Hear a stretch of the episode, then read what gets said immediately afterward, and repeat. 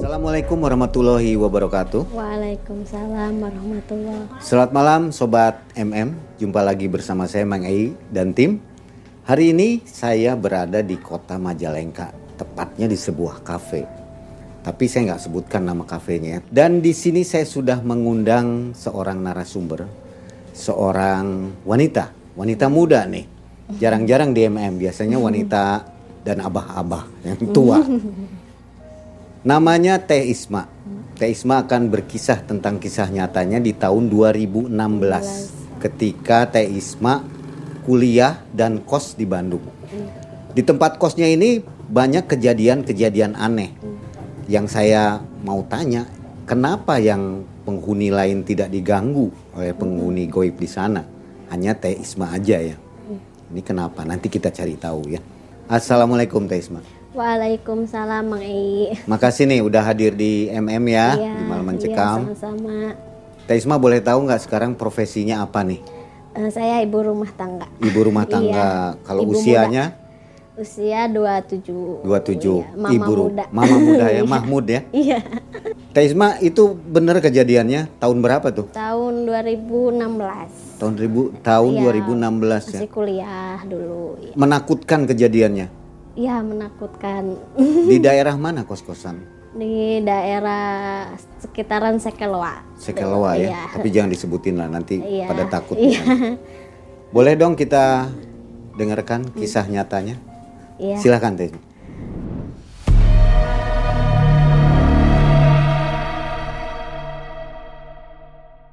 Jadi saya tuh waktu kecil eh, sering lihat hal-hal gaib yang seperti itu. Eh, seperti ya ada sosok apa kunti atau pocong gitu sering lihat sampai mendengar yang nangis-nangis pun sering lihat gitu. Itu bawaan lahir mungkin. Kenyataan, eh, kurang tahu juga kayaknya mah iya gitu. Soalnya dari kecil agak sensitif. Sering mimpi jadi kenyataan mimpi tersebut tuh. Jadi pas kuliah juga saya tuh kalau dosen nggak masuk tuh saya tahu gitu. Yang lain udah repot ngurusin tugas, ngurusin mau ujian gitu. Kalau saya sih tenang aja, itu kan nggak akan masuk kata saya tuh. Pernah keceplosan sekali ke teman gitu. Tuh dosen ini mah nggak akan masuk kata saya tuh. Terus sampai kaget teman saya tuh, Isma bener loh katanya. Ibu ini tuh nggak masuk loh. Tadi saya kan ke kampus terus sempat eh, ke kamu kan sebentar kamu nggak ikut ke kampus. Ternyata beneran ibu dosen tersebut nggak masuk. Malamnya saya mimpi dulu, mimpi kalau dosen itu ya nggak akan masuk gitu. Nggak tahu lah gitu kejadiannya.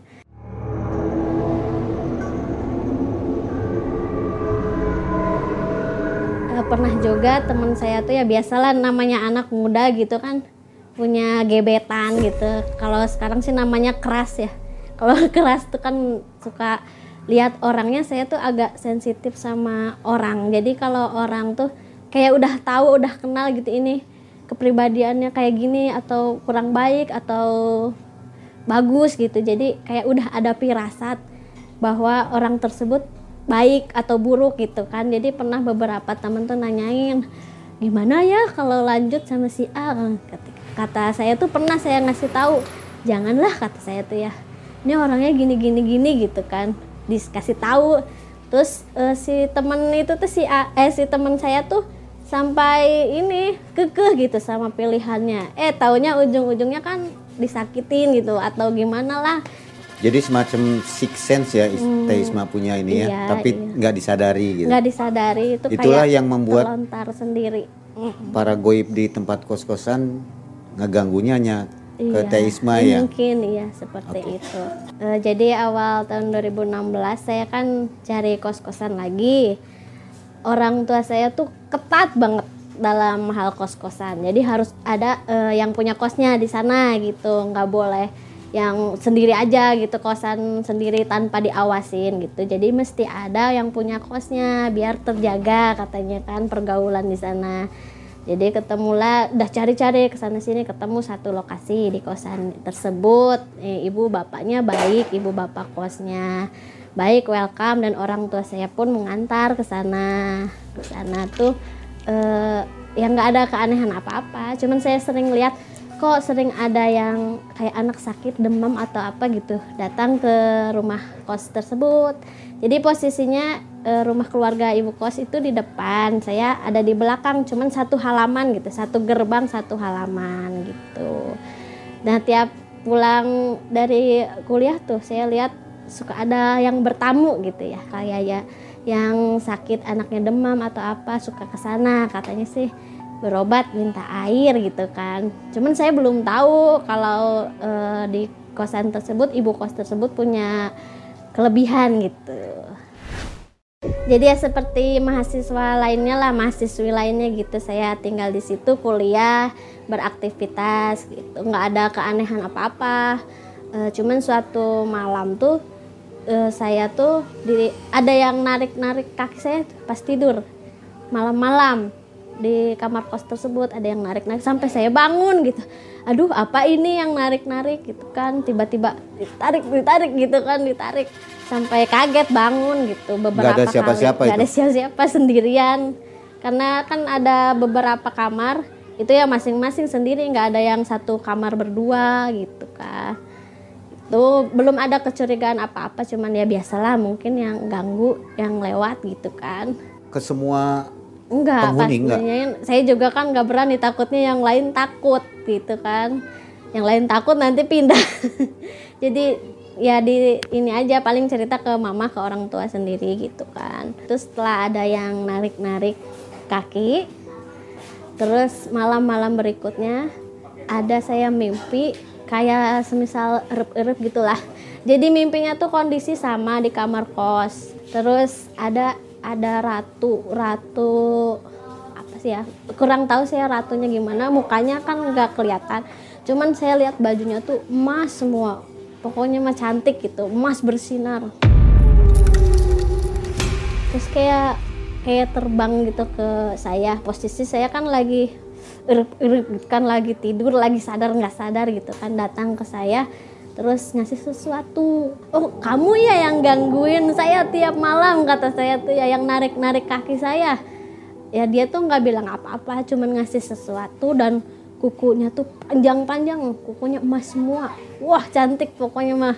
Emas semua kukunya indah kali tapi panjang seginian kayak kukunya segini segini terus kata saya tuh ini apa? Saya nggak mau punya ilmu apa-apa ya gitu nggak mau dititipin apa-apa saya nggak mau punya jimat apa-apa digituin kan.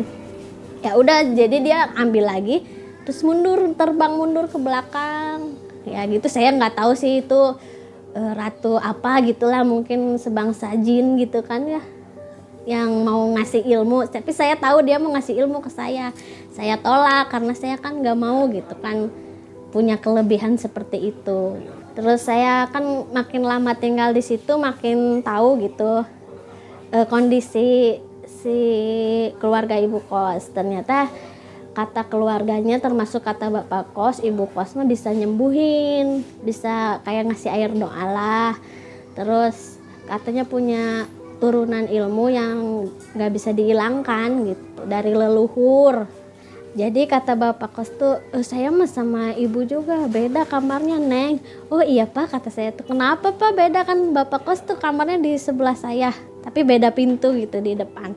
Sedangkan ibu kos mah di depannya lagi gitu. Iya neng soalnya bapak mah takut tidur sama ibu. Loh emang kenapa sih pak kok masa takut sama ibu kata saya tuh ya. Iya ibu mah kalau tidur malam-malam suka melayang katanya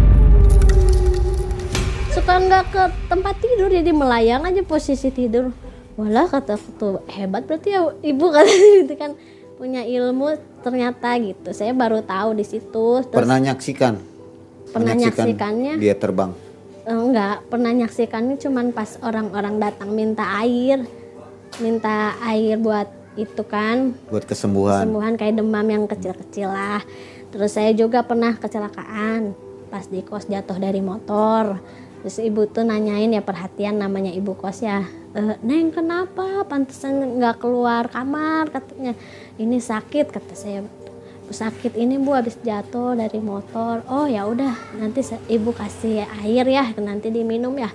Ya bu tapi jangan air yang aneh-aneh ya bu kata saya.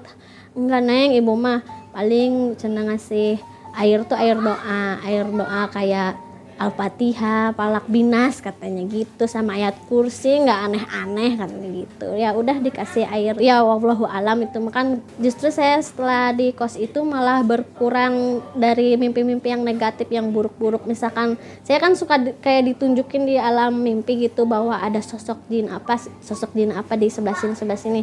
Nah, di setelah di sana itu berkurang gangguan-gangguan tersebut. Jadi yang nangis-nangis yang gitu nggak ada Malah, biasanya diganggu. Biasanya diganggu sering. Kalau tempat baru gitu kan setelah di kosan itu justru nggak ada. Cuman yang narik narik kaki sama yang ngasih ilmu itu. Dan itu berupa ratu kerajaan. Jadi nggak ada yang kayak wujudnya seram gitu. Wujud genderuwo atau apa gitu nggak ada pasti kosan tersebut. Jadi malah aman gitu ya kata saya mah. Yang lebih sensitifnya malah ke mimpi-mimpi yang jadi kenyataan itu. Sering. Ya contohnya kayak tadi dosen ini emang gak akan masuk. Terus ada beberapa kali kayak ya itu si A itu nggak bakal baik gitu. Jadi lebih tajam selama ya, tinggal lebih tajam di, di sana. Cuman yang negatif berkurang. Kayak dilindungi sama ilmu ibu tersebut malah di lokasi tersebut di kosan tersebut. Saya malah pengen nutup apa yang kayak mimpi-mimpi yang jadi kenyataan gitu saya gak mau bener-bener saya tuh sholat tahajud sholat malam tuh buat udahlah ya Allah saya nggak mau ada kelebihan seperti ini gitu mau normal aja seperti biasa. Karena takut jadi gimana ya jadi setiap habis mimpi buruk mimpi akan kejadian misalkan kecelakaan gitu saya tuh jadi takut sendiri gitu. Takutnya melebihi rencana Allah ya. Kan misalkan rencana Allah harusnya A jadi saya udah tahu duluan gitu kan jadi takut. Malah pernah saya tuh mimpi setiap mimpi yang seperti nyata itu saya catat. Mimpi-mimpinya dicatat gitu. Takut suatu saat yang ini kejadian yang ini kejadian gitu kan. Tapi cuman sebentar aja sih. Habis itu dihentikan karena saya nggak mau punya ilmu kayak gitu kan. Nggak mau jadi indigo lah ya. Iya nggak mau jadi indigo. Terus nggak mau jadi saya tuh salah yakin gitu ya. Ibu kosnya juga rajin banget sholat tahajud sholat duha sering bangunin saya kalau tahajud gitu kan sering ada sama bapaknya gitu jamaah tahajud. Pokoknya baik banget lah si ibu ini teh cuman ada kelebihan juga mungkin karena ibadahnya bagus gitu ya.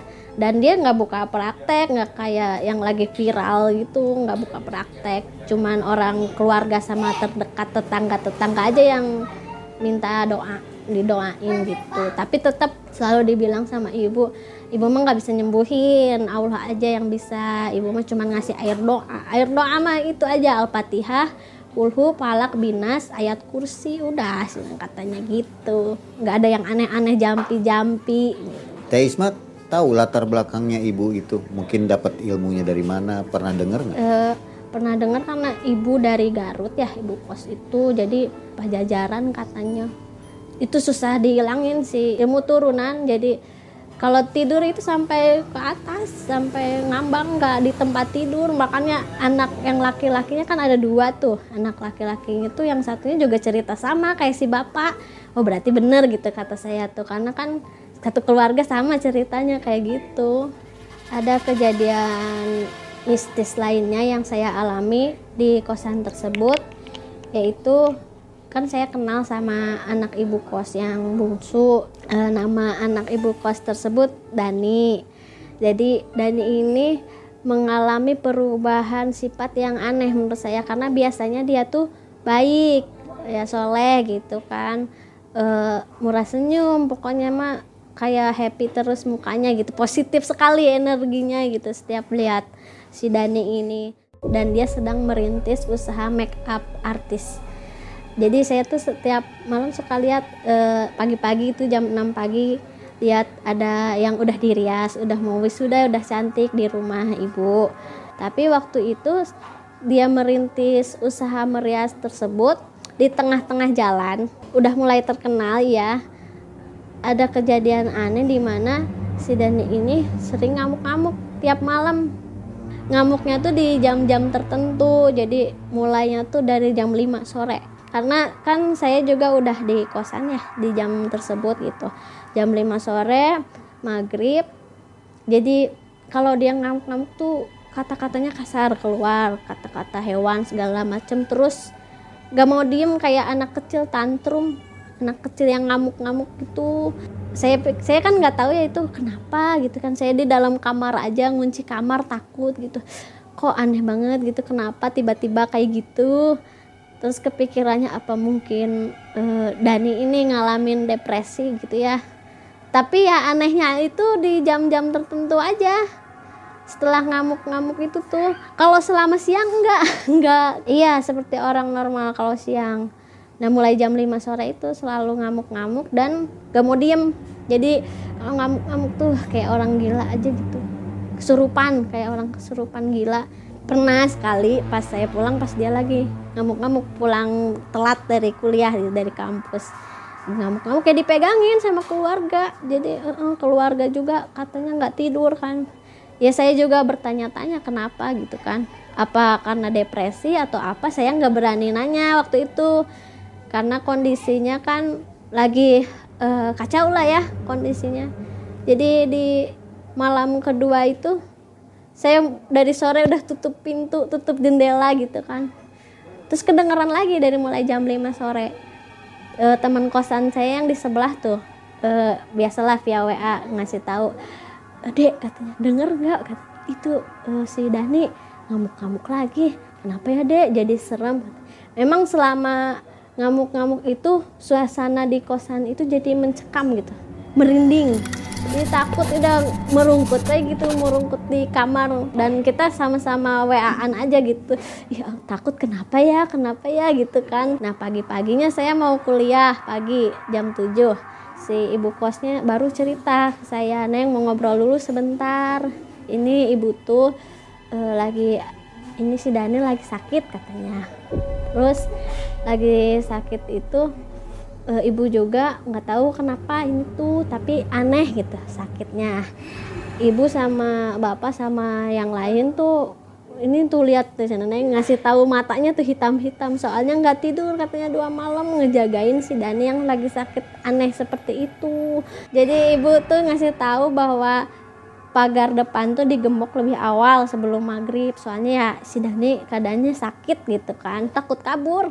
Karena udah nggak sadar aja kayak kesurupan gitu pengen lari keluar. Itulah sampai buka-buka baju apa gitu pengen keluar gitu kan. Seperti biasa gitu. Terus katanya ibu udah doain ya nggak mempan masih kayak gitu. Ya ibu juga katanya setiap Dani kerasa tuh ya ibu doain. Cuma ya emang kedengeran jadi ada yang baca ayat kursi kulhu palak pinus gitu. Setiap si Dani kerasa. Itu terus kata ibunya ini tuh ada yang ngirimin katanya. Ibu kosnya tahu ada yang ngirimin. Ini kan katanya ya sejenis santet lah. Santet yang bisa bikin orang jadi gila katanya gitu. Soalnya Dani tuh lagi nggak ada masalah apa-apa lagi biasa aja malah lagi merintis rias dan udah mau maju gitu. Udah pesat dia perkembangan meriasnya. Jadi setiap sebelum si Dani kerasa tuh jam 5 sore tuh uh, kan kondisi sekitar tuh jadi mencekam gitu ya. Pokoknya semua anak kos itu udah pada masuk ke kamar masing-masing udah tutup jendela tutup pintu dah. Itu tuh kalau saya sih kerasanya ada aroma yang gak sedap gitu sama sekelebat sekelebat putih gitu.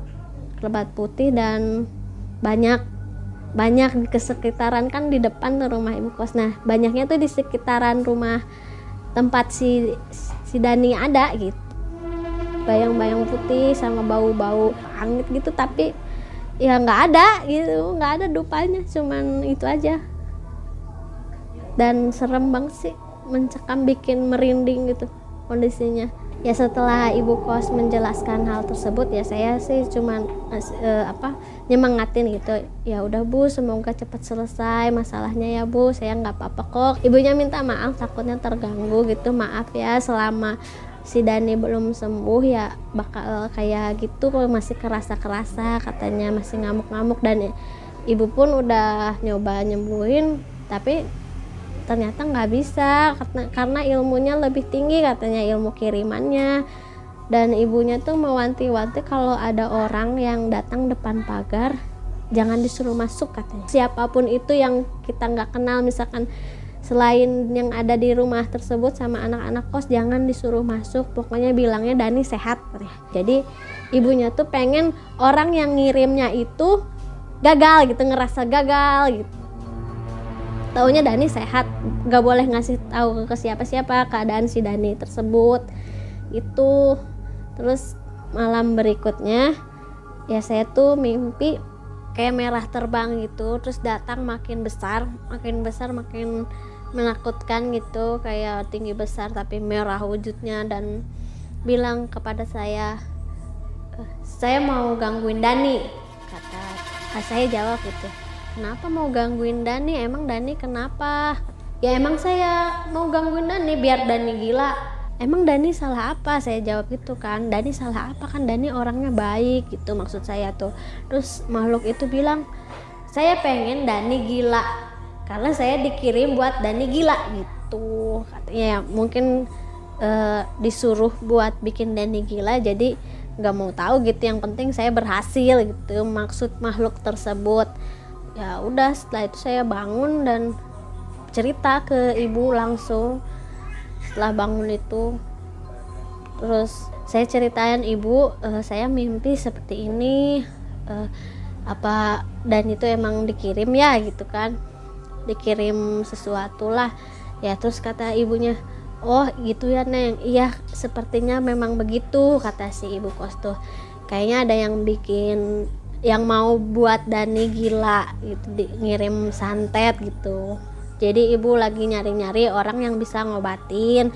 Karena udah diobatin ke yang deket-deket itu nggak mempan masih kerasa si Dani itu. Oh ya dan sebelum saya mimpi tersebut setiap sore saya tuh lihat orang di depan pagar kosan tuh yang kepo gitu lihat kondisi kosan di dalamnya kan agak jauh tuh dari pagar ke rumah ibu. Jadi suka lihat-lihat gitu dari luar ngintip-ngintip ya. Saya nanya kenapa pak? Digituin kan. Soalnya laki-laki enggak neng katanya. E, mau lihat aja ada daninya. Ya ada kata aku tuh. Emang si Dani nggak kenapa kenapa kata si sebenarnya bukan bapak sih kayak a, a, a, gitu. Loh enggak kata aku sehat-sehat aja. Karena aku tuh keinget ucapan ibu kalau ada yang nanyain Dani bilangnya ya sehat kayak gak ada apa-apa. Jadi keingetan itu selama tiga hari itu sebelum Dani jam 5 sore e, kerasa sakitnya teriak-teriak tuh datang si AA itu di depan pagar tapi nggak berani masuk. Setelah kepo itu udah pulang. Ya udah saya gembok lagi kan pintunya. Dari jam 5 sore itu udah saya gembok.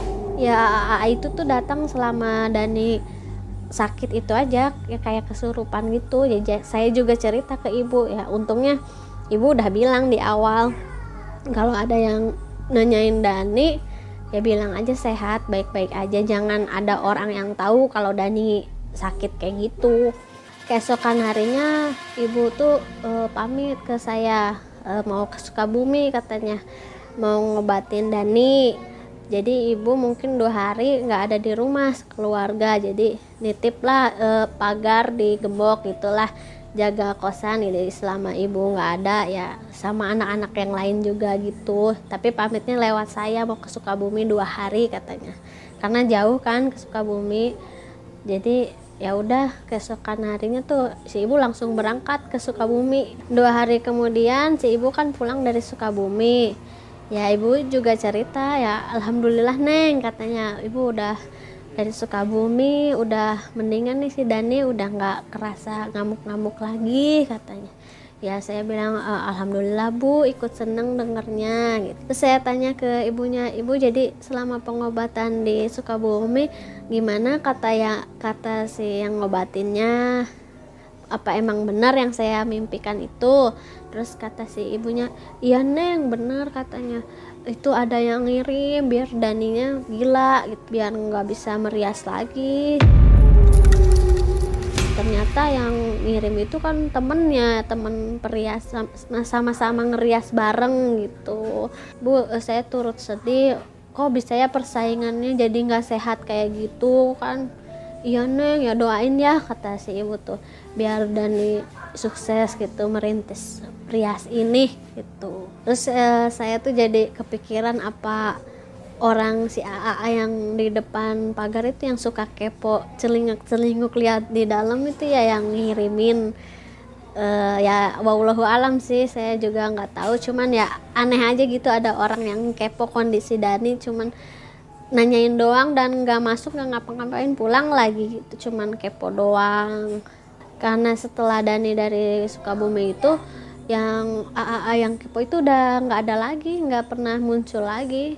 Kan saya suka ingat juga ya asisten-asistennya yang mana tahu gitu ya teman yang sering bareng mah gitu kan. Dani setelah sembuh alhamdulillah meriasnya tuh melesat. Wah langsung tinggi gitu langsung uh, artis-artis Indonesia dia rias gitu kan.